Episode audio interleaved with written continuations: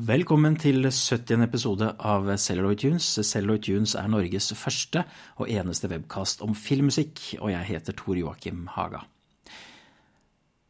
Tradisjonen tro så må vi gjøre en episode om eh, filmmusikkåret som har gått, det norske filmmusikkåret.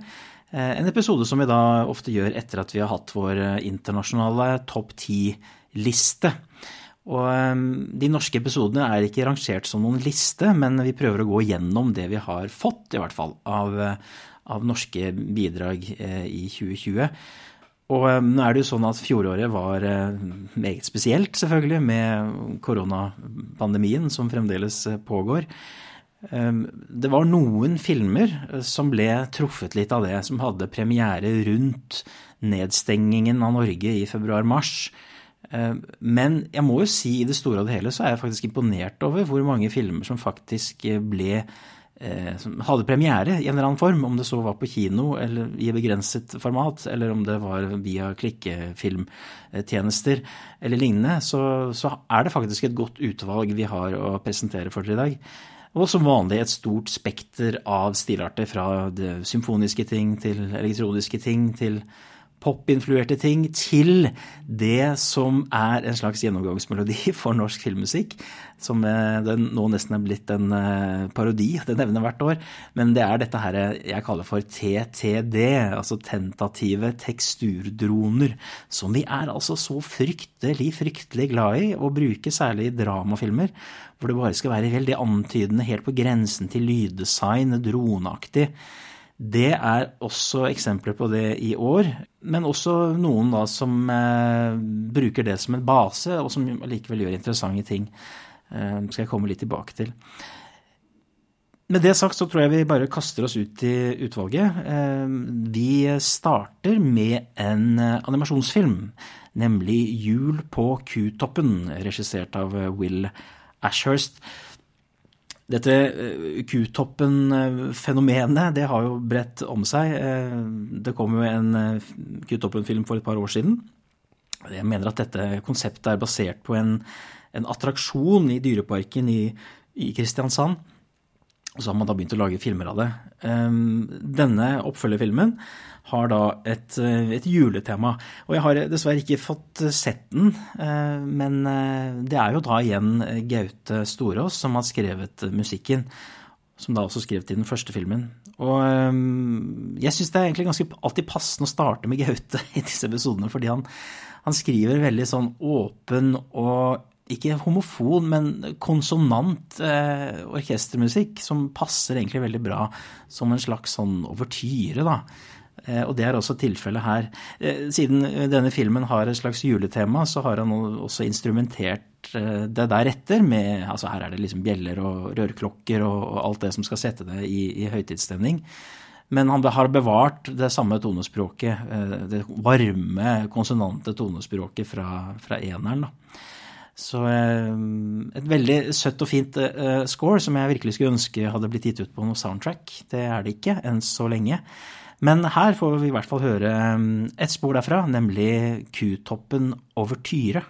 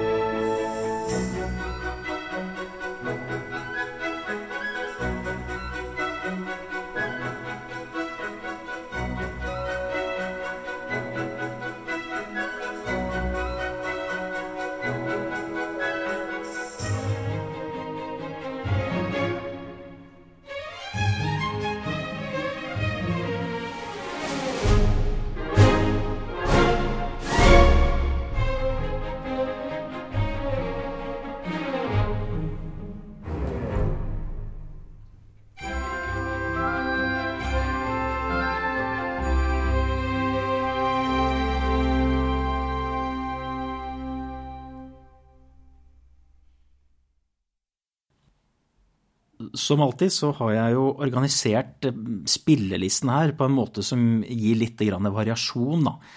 Så vi går litt frem og tilbake fra noe som er litt upbeat til noe som er litt alvorlig og tungt. Og det er vel til en viss grad sant når vi nå går til neste film på vår liste, som er Alle utlendinger har lukka gardiner, regissert av Ingvild Søderlind. En eh, film som eh, ble truffet ganske hardt av koronaepidemien. For vel, den hadde vel så vidt hatt premiere 6. mars, før Norge stengte ned. Og eh, da måtte den altså ta til takke da, på en måte med en strømmefilm- eller klikkefilmutgivelse noen, noen uker senere. Så ehm, dessverre var det ikke så mange som fikk sett den på kino, etter det jeg vet.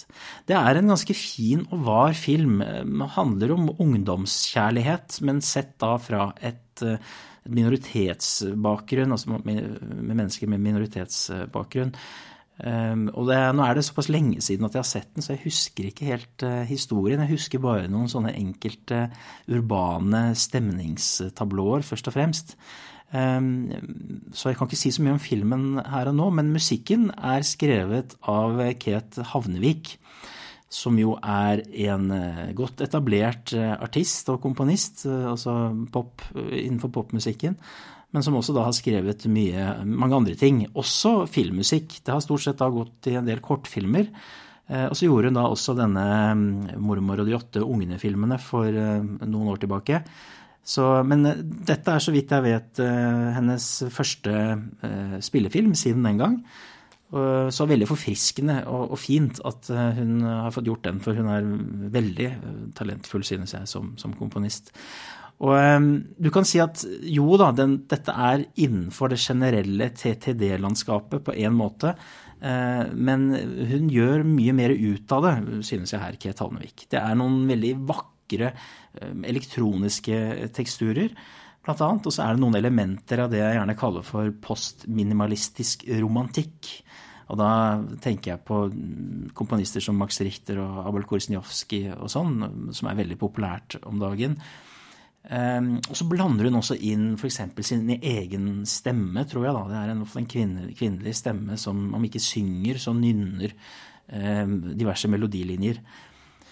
Så, eh, og hun eh, har vært eh, smart i sin, sin, promovering rundt dette her. For Kate har gjennom året da lagt ut ett og ett spor fra soundtracket inntil selve soundtracket da ble, ble gitt ut på, på, høsten en gang, tror jeg.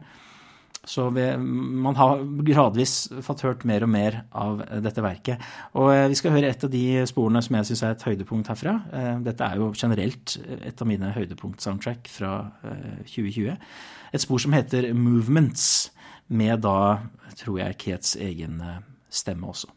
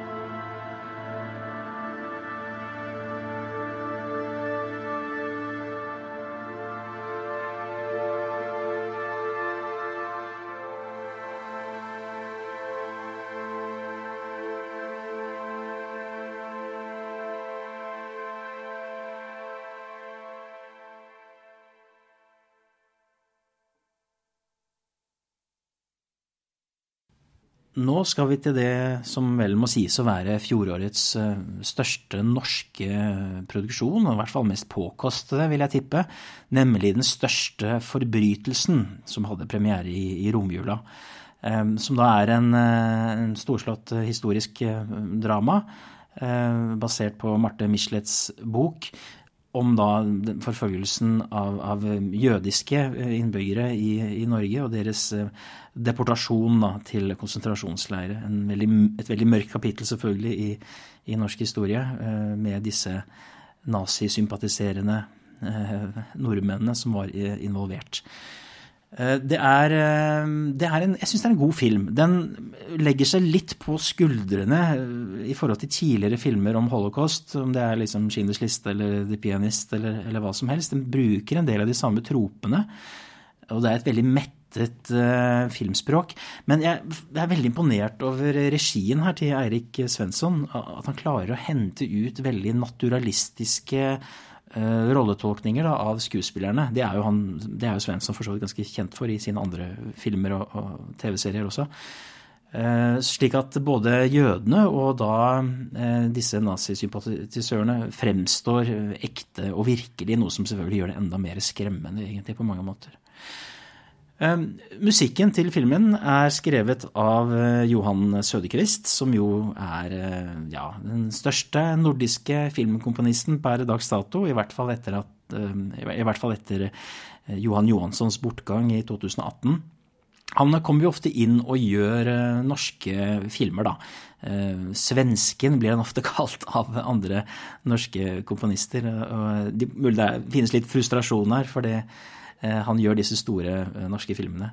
Eh, Johan hadde et annet score i fjor som jeg syns var hakket bedre enn denne. Det var for en ikke-nordisk film som het The Last Fermer. Men jeg syns også dette her har store kvaliteter. Altså. Han, han, gjør mye av det han er kjent for, med disse her litt sånn lidende, melankolske strykerne og piano og den type ting. Eh, og legger også inn noen, noen, jødiske klanger her, uten at det liksom blir Schinders liste på noen måte. Eh, det er mørkt, det er, slags, det er langsomt, det er et slags momentum eh, i det, og et perfekt bakteppe da, for det, det vi ser i det sporet jeg har tenkt jeg skulle spille fra dere, som heter eh, Den største forbrytelsen, så hører man også et slags eh, blåseinstrument, et slags jødisk blåseinstrument. Jeg vet ikke om det er en sjofar som er et form for, for bukkehorn som brukes i mye eh, jødisk religiøs musikk. Det, det, vet jeg ikke, jeg er ikke noen eh, musikketnolog, men jeg syns det er et, et, veldig vakkert uh, spor allikevel. Han, Johan Sødekvist har da tenkt å gi dette ut på soundtrack, har han sagt til meg, men det er da ennå ikke kommet. Men det skal være rett rundt hjørnet nå i 2021, så flere folk får anledning til å høre på det.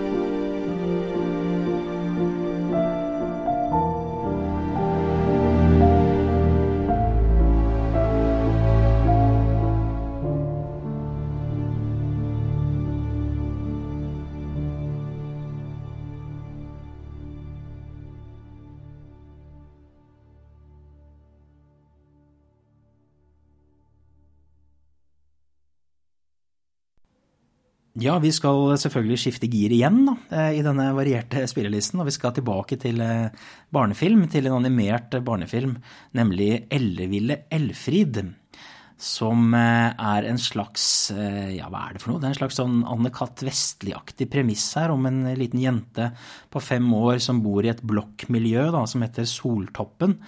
Eh, og hvor man da har laget masse episoder for NRK Super.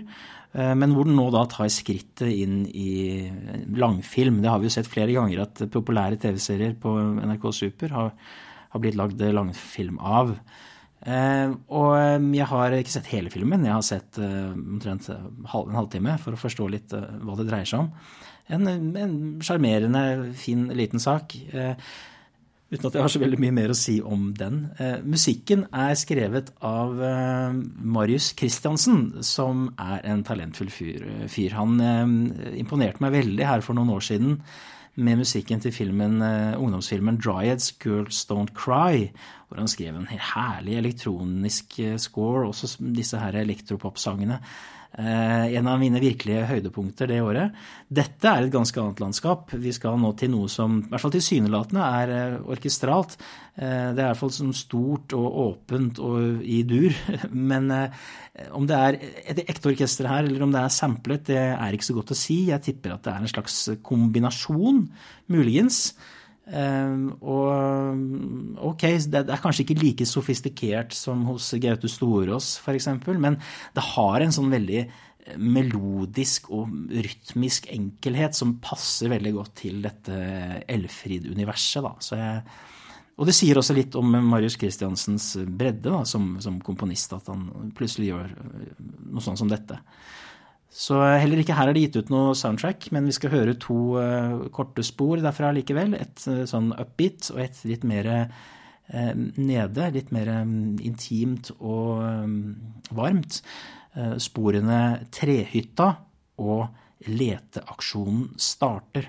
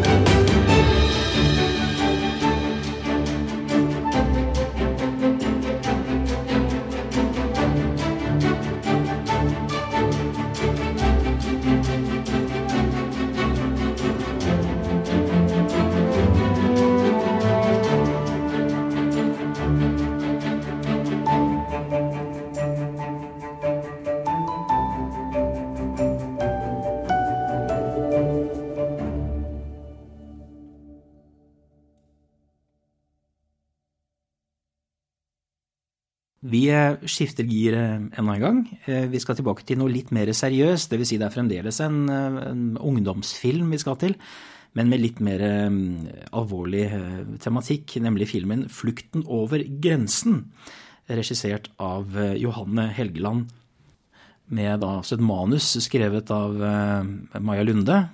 Uh, og handler jo da altså om uh, to jødiske barn som forsøker å flykte til Sverige under andre verdenskrig. En, en, ganske god film, sånn jeg husker det. Igjen er det veldig lenge siden jeg har sett den, så jeg sliter med å komme på bestemte scener og sånne ting. Men den, har, den, den presterer å finne den perfekte balansegangen mellom å være Eh, tilgjengelig for yngre mennesker, men samtidig ha den her ubehagelige paranoiaen eh, rundt forfølgelsen. Musikken er skrevet av eh, Stein Berge Svendsen. Også en svært etablert og erfaren komponist, artist, filmkomponist. Og man kan egentlig si at den består av to deler. Eh, den ene delen, som jeg syns kanskje er den mest spennende, er den som ligger litt tett opp mot Schinders liste i uttrykk, da. Kanskje særlig denne litt sånn inderlige fiolinsoloen. Eh, på den andre siden så er det nok mer det vi kan kalle for TTD, eller liksom dronete spenningssekvenser. Eh, og så er det da noen ganger hvor disse elementene blør litt inn i hverandre. Ehm, jeg, ehm, jeg, har lyst til å trekke frem denne, denne fiolindelen, den mer klassiske delen av dette her, slik det kommer til uttrykk over rulletekstbordet, end credits. Dette er altså flukten over grensen.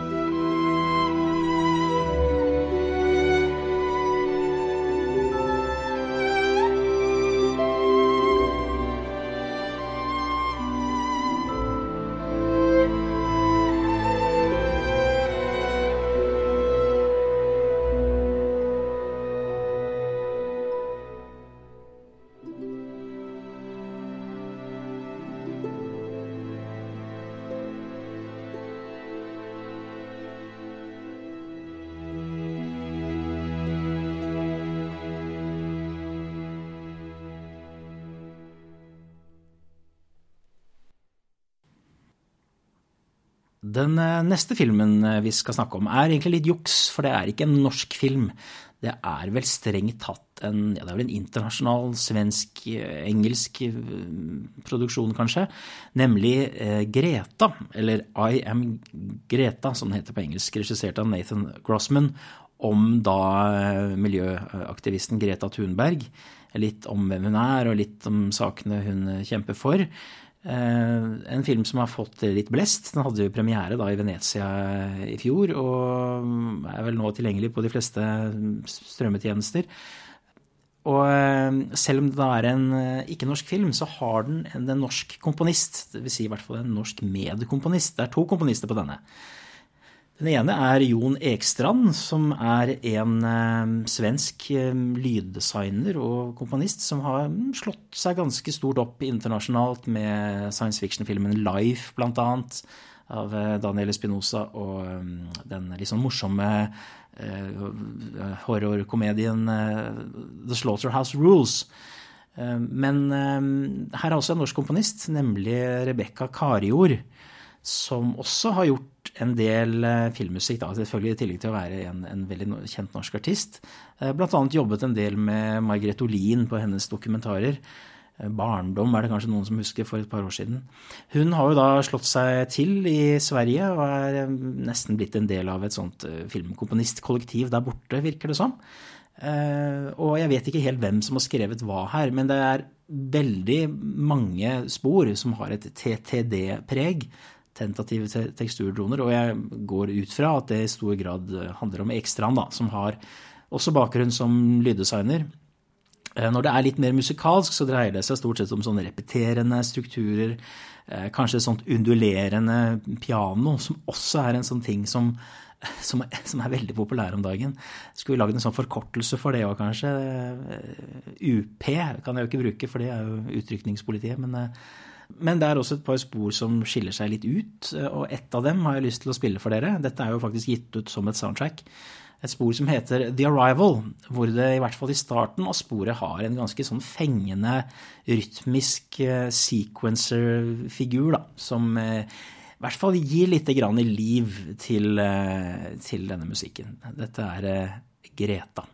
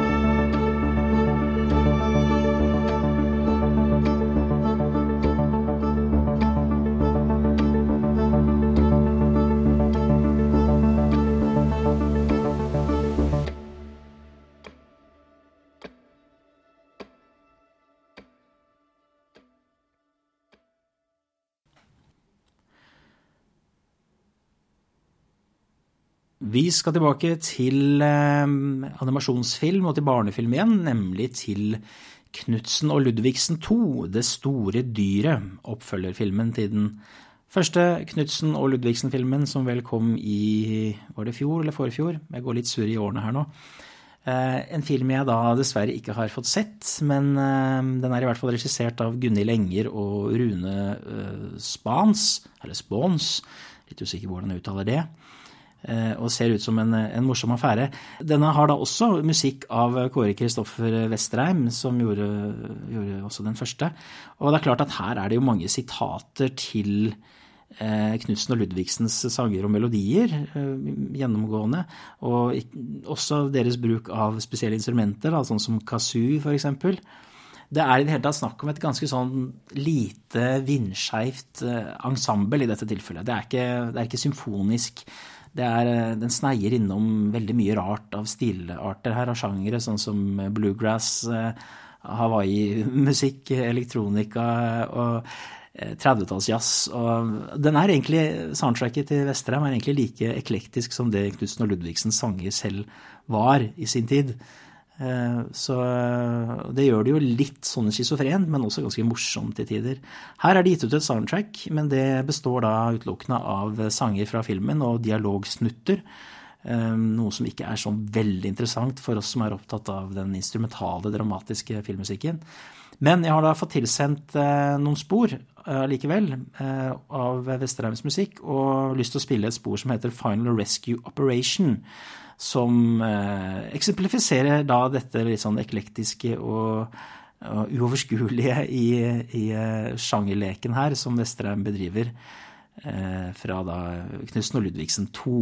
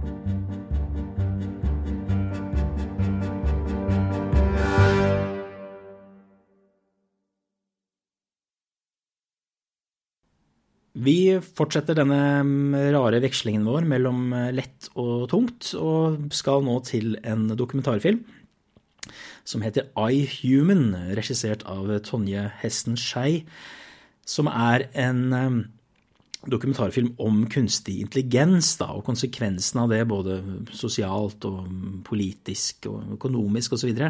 Det er en, eh, hva skal jeg si, en veldig informasjonstung film, hvor det er mange sånne talking heads, intervjuobjekter, som snakker veldig mye. Så det er om å gjøre å henge med i svingene. Men Skei har allikevel funnet plass til noen eh, sekvenser som har litt sånn interessant visualitet. Det er blant annet en sånn Terminator 2-aktig figur, altså sånn T1000 som driver og smelter, og, og man ser nesten konturene av noe menneskelig. Um, så, men jeg skulle kanskje ønske at den var enda mer på den biten, og enda mindre på informasjonsbiten, for det er litt mye å forholde seg til. Uh, musikken er skrevet av uh, Olav Øyehaug. Eh, som også da har gjort mye film, dokumentarfilm annet. Eh, og dette er eh, veldig klassisk TTD i det mørke registeret, stort sett. Og jeg, for min del skulle jeg ønske at det var selvfølgelig noe mer noe spennende rytmiske sequencer og figurer, eller noe mer funky anslag. slag. Og, eller kanskje noe mer sånn percussivt sånn som ja, Terminator 2 og Brad Fidels musikk. Noe litt mer sånn. Men når du ser hvordan filmen er bygd opp og lagd med, alle, med alt denne her dialogen, så er det vanskelig for musikken å bite fra seg ordentlig. Så, så, det er forståelig at det sporet ble valgt. Jeg har likevel lyst til å spille eh, et spor som har litt mer åpenhet, som befinner seg i et litt høyere register. Eh, et spor som heter Filo 4. Eh, dette er jo ikke gitt ut på soundtrack, så dette er vel noen sånn arbeidstittel eller noe sånt. Som jeg føler kanskje har litt innhold, da, noe å bite seg fast i i, i dette hva skal vi kalle det for, teknologideterministiske landskapet som tegnes opp.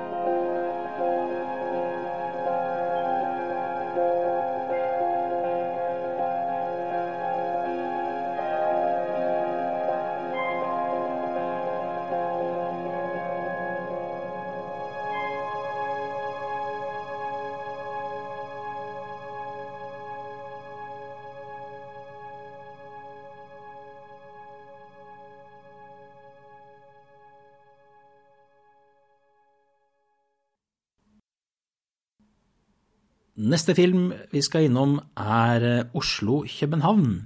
regissert av Jan Vardøen. Jan Vardøen han er altså så produktiv. Én ting er at han har alle disse restaurantene og andre bedriftene han driver med. Men han er jo da også veldig produktiv som filmskaper. Han gjør nesten en film i året, føler jeg. Og dette er da en slik en. Det, er, det, handler altså da om venne, to vennepar som reiser med danskebåten fra Oslo til København. Og i løpet av den turen så dukker det opp på en måte intriger da, som rekontekstualiserer forholdet mellom disse menneskene. Eh, man kan kanskje si at det er den norske varianten over eh, Steven Soderbergs eh, nye film, 'Let them all talk', som da er riktignok hakket bedre, men som, men som, har litt av den samme tematikken.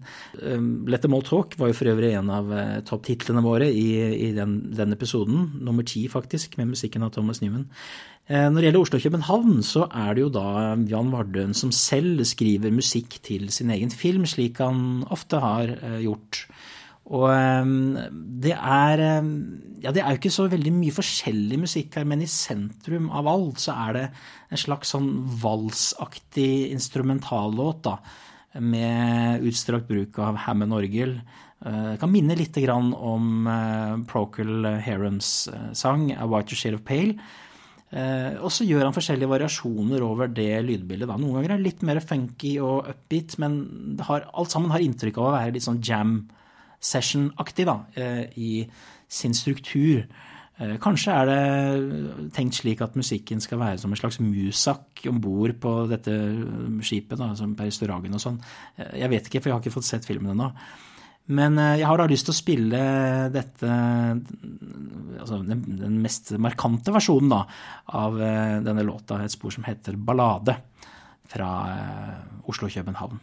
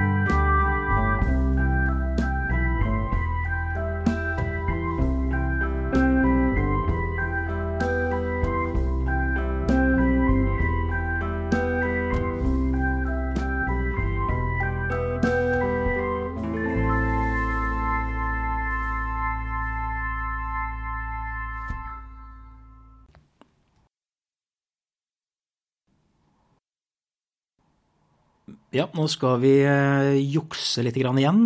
Vi skal nemlig til en svensk film. En svensk animasjonsfilm som het Pelle Svansløs, basert på bokserien til Gjøsta Knutson Eh, om da denne haleløse katten som drar på nye eventyr. Eh, det er lagd flere filmversjoner av eh, bøkene. Denne er da fra i fjor og regissert av Christian Ryltenius, og er, må jeg si, en veldig sånn forfriskende retur til 80- og 90-tallets håndtegnede animasjonsfilmer. Og en veldig sjarmerende historie også, da, hvor Pelle Svansløs eh, havner i, plutselig i byen, eh, i et eh, teater drevet av noen dyr, katter. Og de er på jakt etter en, en, en, act som skal på en måte være, som skal trekke publikum, da, og da blir plutselig Pelle interessant fordi han mangler hale og sånn. Men så bakgrunnen her er animert flott, det er detaljert, det er tekstur i bildet. Så jeg likte denne filmen veldig godt, selv om jeg er godt over 40.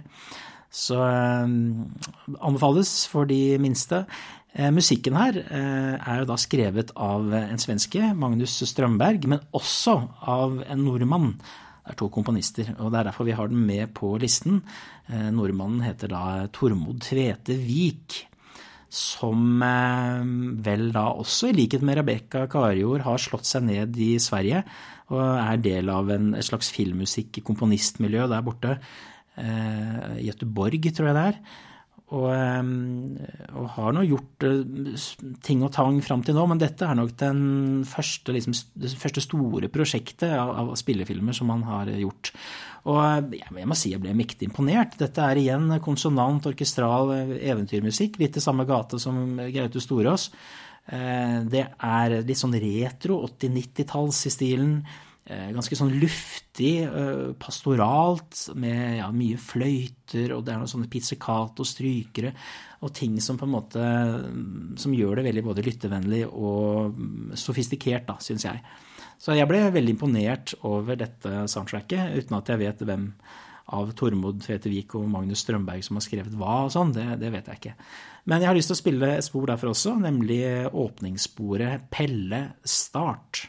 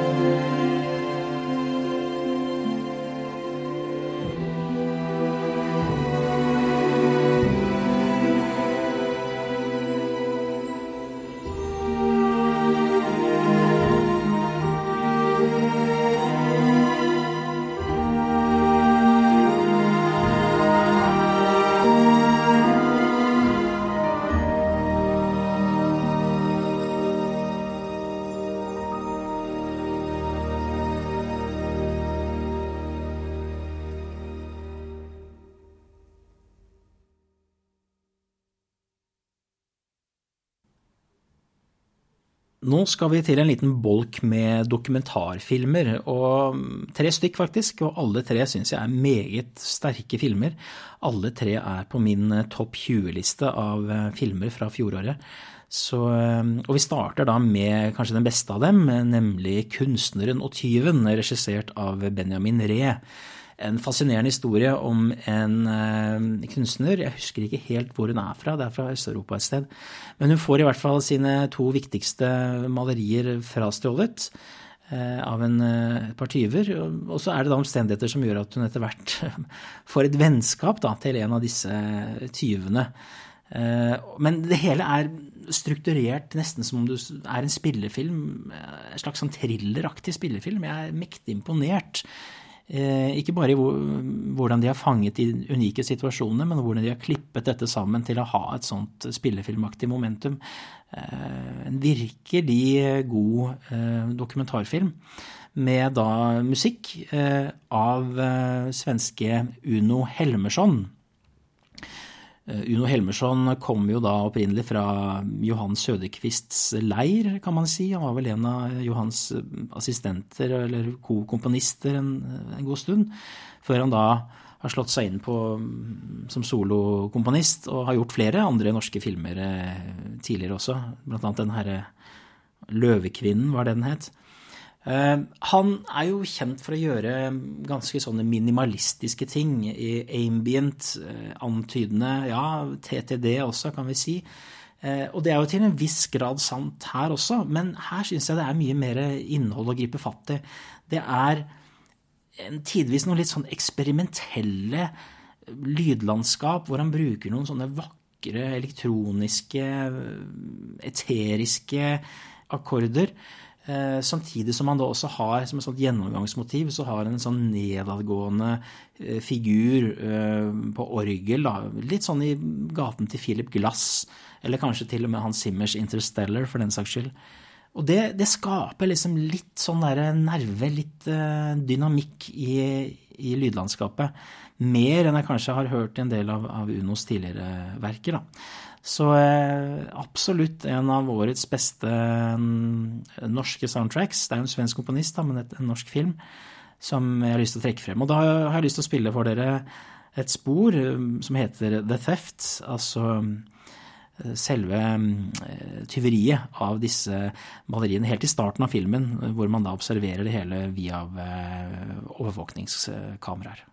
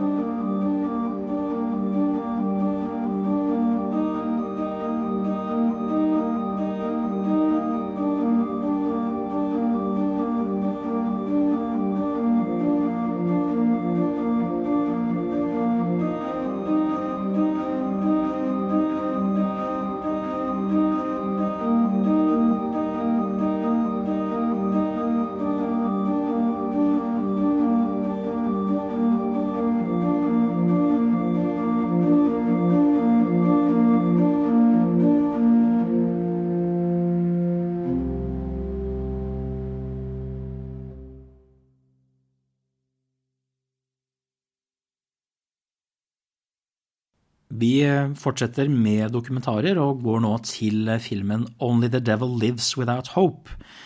Regissert av Magnus Gjerten, eller Gerten, litt usikker på uttalen der, som da handler om en kvinne som er en menneskerettighetsforkjemper, men da hvor hennes bror er blitt arrestert i Usbekistan, anklaget for å være terrorist. Og filmen handler da litt om hennes Eh, forsøk på å få kontakt med ham, vite hvor han er, aller helst få han til, eh, tilbake. Eh, hun bor vel i Er det i Sverige hun bor, tro?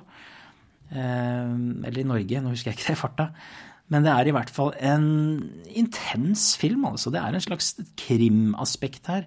En sånn oppnøstingsintrige som, som er veldig spennende. Som gjør dette til en, en virkelig god dokumentarfilm. Musikken her er skrevet av eh, Ola Kvernberg, som eh, selvfølgelig er veldig godt kjent som en eh, jazzkomponist og fiolinist, men han har også gjort filmmusikk. Jeg tror dette kanskje er den første spillefilmen han gjør siden 2016, da han gjorde bl.a. Welcome to Norway. Og det er jo, hva skal vi si, klassisk Ola-territorium her, med litt sånn folkemusikkaktig den her litt sånn folkemusikkaktige, fiolinbaserte melankolien som jeg også husker veldig godt fra eh, det jeg syns er hans mesterverk fram til nå, da, som er 'Jaget til vind' eh, fra 2013, eller når det var. Eh, men også iblandet her litt sånn østeuropeisk, sigøyneraktige klanger, kanskje. Jeg syns det er et, en, en, sterk, en, sterk, score som, som da presterer å ha en musikalsk tilstedeværelse uten å bli dronete. Det, det skal han ha kreditt for, altså, syns jeg virkelig. Heller ikke her er det gitt ut noe soundtrack, men vi skal høre åpningstemaet, som har fått tittelen Underworld Main Theme.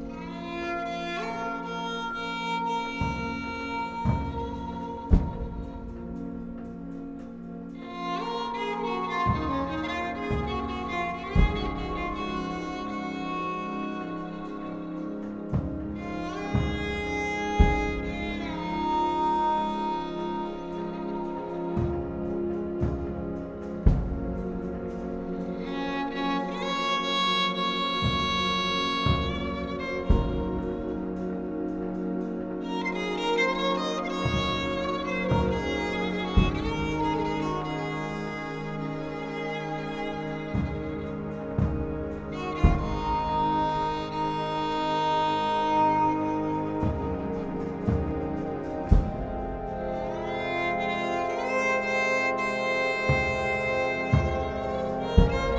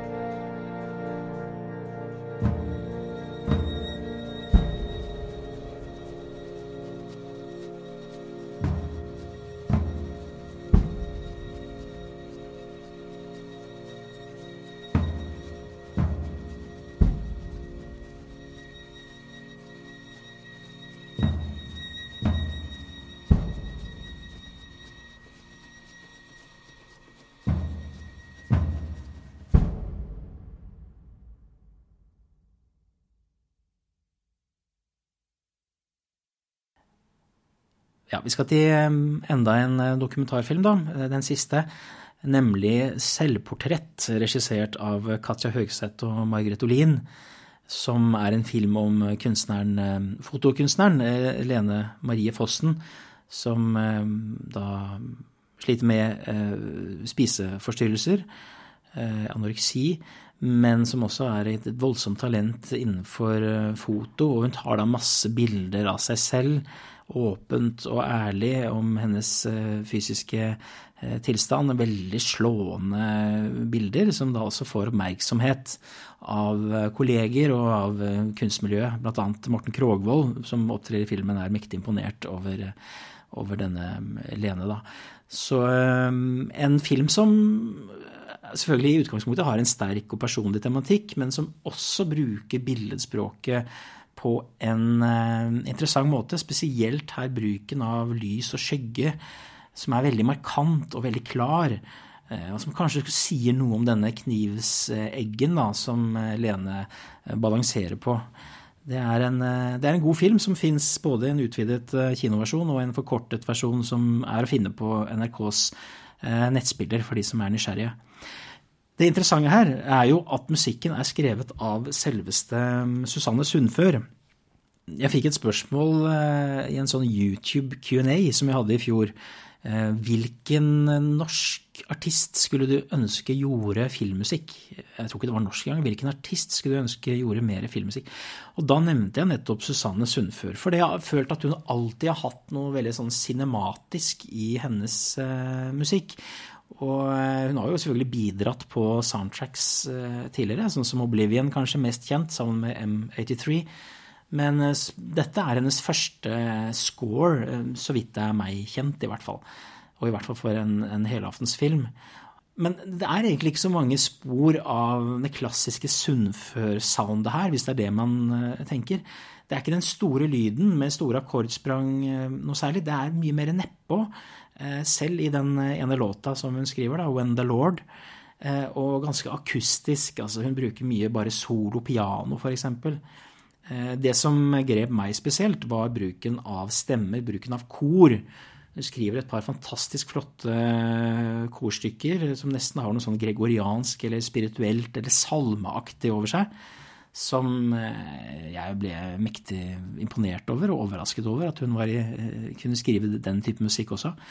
Så eh, jeg håper jo selvfølgelig at hun kommer til å få flere oppdrag som filmkomponist, hvor hun da kan liksom bruke mer av det hun er kjent for, med den store, kraftfulle eh, saftige elektroniske klanger og sånn. Men dette her var, eh, var, også mektig imponerende. Jeg har lyst til å spille da, et av disse kordrevne, salmaktige sporene. Et spor som heter Amor et mortis, eh, som betyr noe sånt som at kjærligheten er død. Fra da et av fjorårets beste soundtracks, synes jeg, Selvportrett. Oh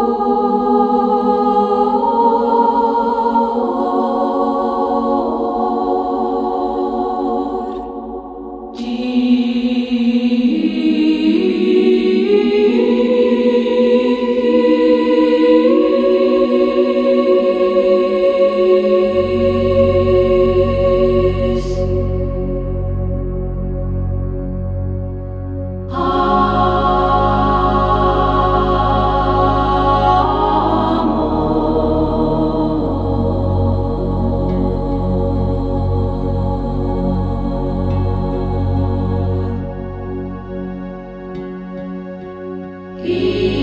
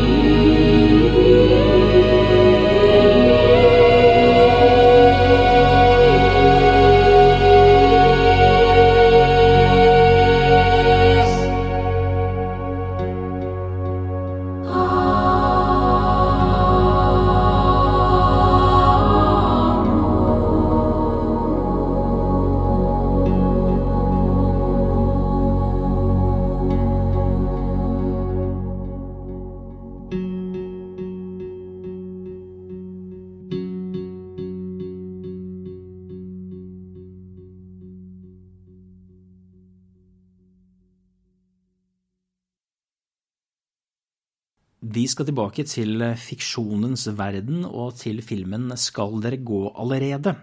Regissert av Mona J. Hoel som er en film som jeg tror hun øh, skjøt for mange år siden, men som da først fikk sin premiere i fjor. Handler altså om en ung eh, kvinne som eh, flytter inn i en leilighet som hun da får låne eller får av sin far. Faren er da veldig fraværende og virker ganske usympatisk de gangene vi hører noe fra han, og det er sett, det er egentlig utelukkende på telefon. Vi ser han aldri. Um, og det er en skjær leilighet, og hun uh, hyrer da to utenlandske håndverkere til å pusse den opp, og så oppstår det et slags ja, la oss kalle det for et vennskap da mellom dem og, og henne, mens hun prøver å finne ut av hvem hun er og, og hvor hun vil. Uh, det er da, den er skutt ganske kornete og i videoformat. Og det interessante her, i tillegg til selve filmen, er jo da dette tidsportrettet av Oslo for vet ikke jeg, ti år siden eller noe sånt, og se hvor mye bylandskapet også har endret seg. Det er i hvert fall en sånn fascinasjon jeg finner i denne type filmer. da. Eh, men, men i seg selv og i kjerneintrigen så er det også en, en, en veldig god film, eh, synes jeg. Eh, det er ikke all verdens av musikk i den, men det er noe skrevet av Bendik Baksås som jo er en av disse nye, unge, svært talentfulle jazzmusikerne. Eh, ligger der i grenselandet mellom jazz og elektronika. Og eh, han skriver da noen veldig sånn diskré, men ganske fine segmenter eh, som har etter min mening litt til felles med Nils Petter Molvær. Sikkert i denne litt sånn elegiske bruken av trompet, da, først og fremst. Meget stemningsfullt Eh, neddempet partitur, men med eh, musikalsk innhold, med noe på hjertet. Jeg har lyst til å spille et spor herfra som heter Love. Her er det også noe bakgrunnsstøy. Jeg er litt usikker på om det er meningen, eller om det er lyd som da blør over fra lydsoundtracket. Eh, men det bidrar egentlig bare til, til stemningen i dette tilfellet.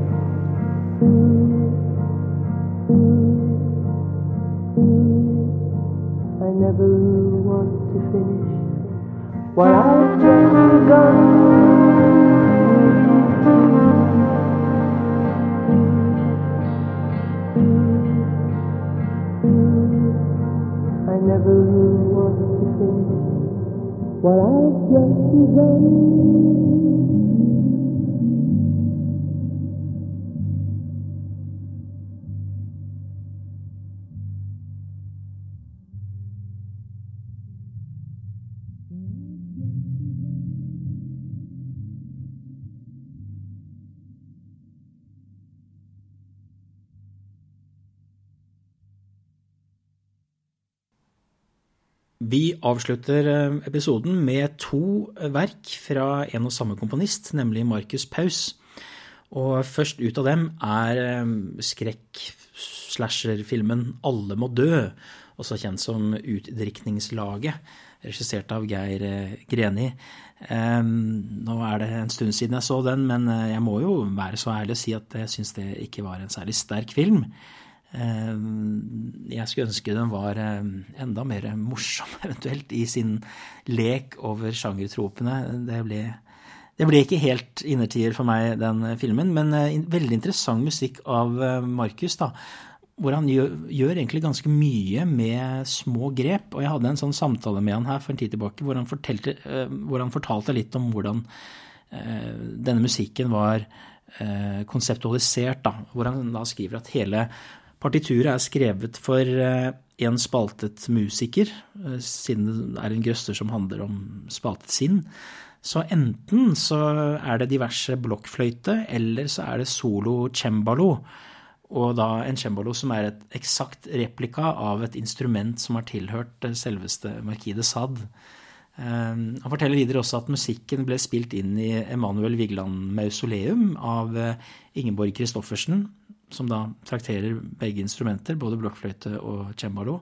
Mens da dette litt sånn lyddesign eller horroraktige klangene vi hører, det er lyden av stoler som er slept langs gulvet inne i dette mausoleet. Interessant og kreativ måte å, å løse det på, på, på lavt budsjett. Vi skal høre et lite utdrag derfra i sporet som heter da Elegi 2 og Postlyd.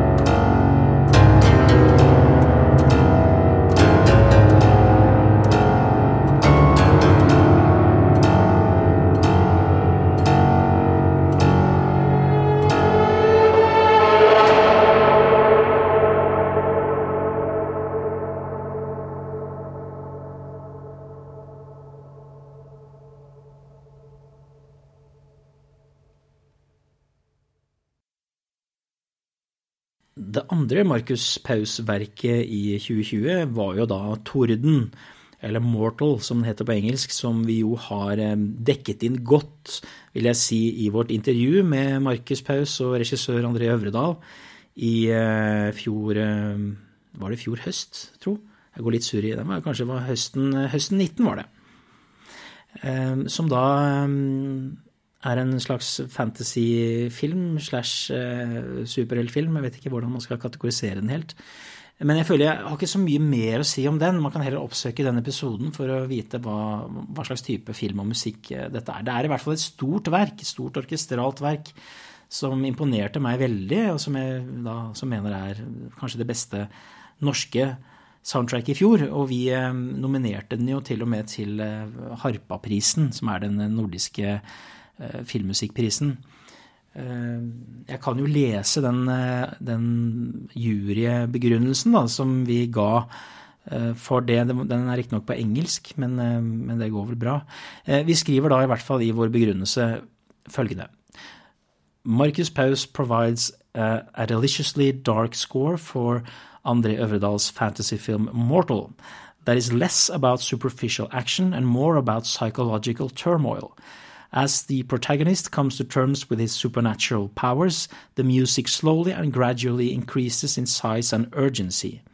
Inside this expansive symphonic idiom, Paus colors the landscape further with complex string and brass clusters, voices, and occasional Norwegian folk elements like the Hardanger fiddle, elegantly guiding the story from realism to mythology. Mortal is an impressively mature orchestral work that feels both introvert and extrovert at the same time, painting its fantastical canvas in broad, impressionistic strokes.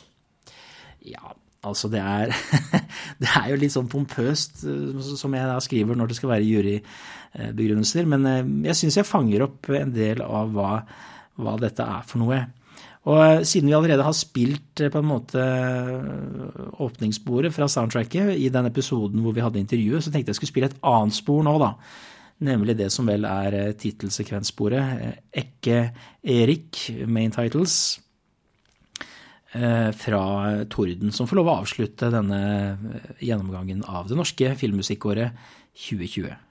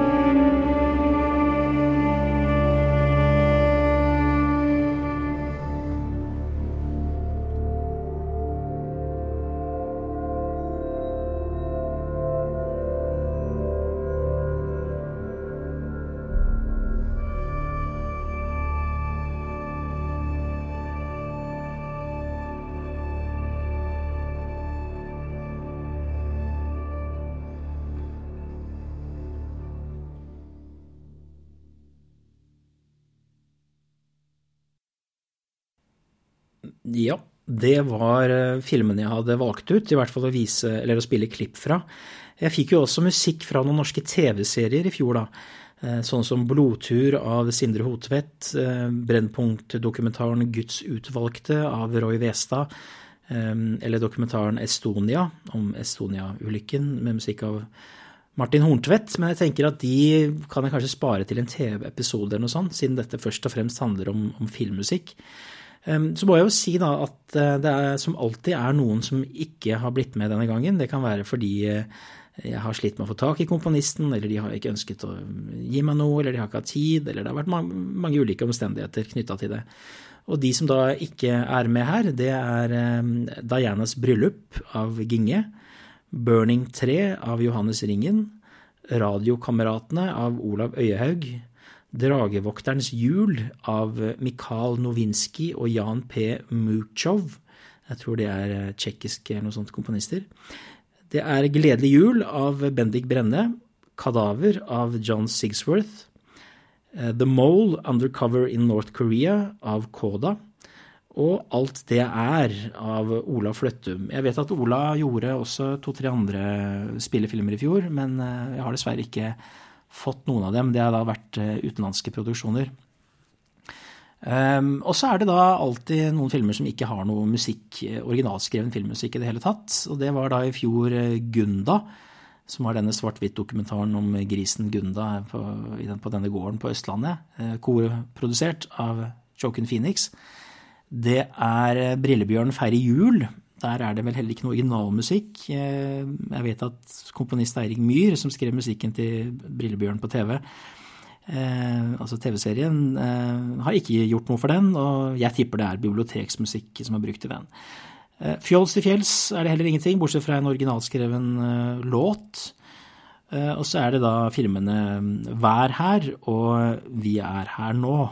Jeg syns for øvrig det er litt morsomt med sånne, denne trenden med norske subjekt Eh, hva heter det, subjekt-verbal-titler. da, At de nå har begynt å, Det er blitt så vanlig at de nå har begynt å snakke med hverandre. At du hadde en film i fjor som het Vær her. Altså en annen film som nærmest svarer, som heter Vi er her nå. Eh, man kan sikkert gjøre noe, noen morsomme memes ut av alle disse her eh, typiske norske titlene. Uansett, det var det jeg hadde å si om det norske filmmusikkåret 2020. Jeg har inntrykk av at eh, året 2021, da vil det komme veldig mye interessant norsk film, i hvert fall. Så det gjenstår å se om musikken er like interessant. Og også et par filmer som er blitt forskjøvet da, fra 2020 til 2021. Eh, det er bl.a. denne dokumentaren om Aksel Lund Svindal. Så var det en film som het Bortebane. Sikkert et par andre jeg har glemt. Eh, pluss masse annen spennende ny film. Så eh, jeg tror eh, jula eller januar 2022 så vil vi ha ganske mye spennende å, å se på. Men eh, kom gjerne med dine egne kommentarer i kommentarfeltet hvis du har det. Vi er plutselig tilbake med en ny og spennende, forhåpentligvis, da, episode. Eh, inntil da så sier jeg vi eh, høres.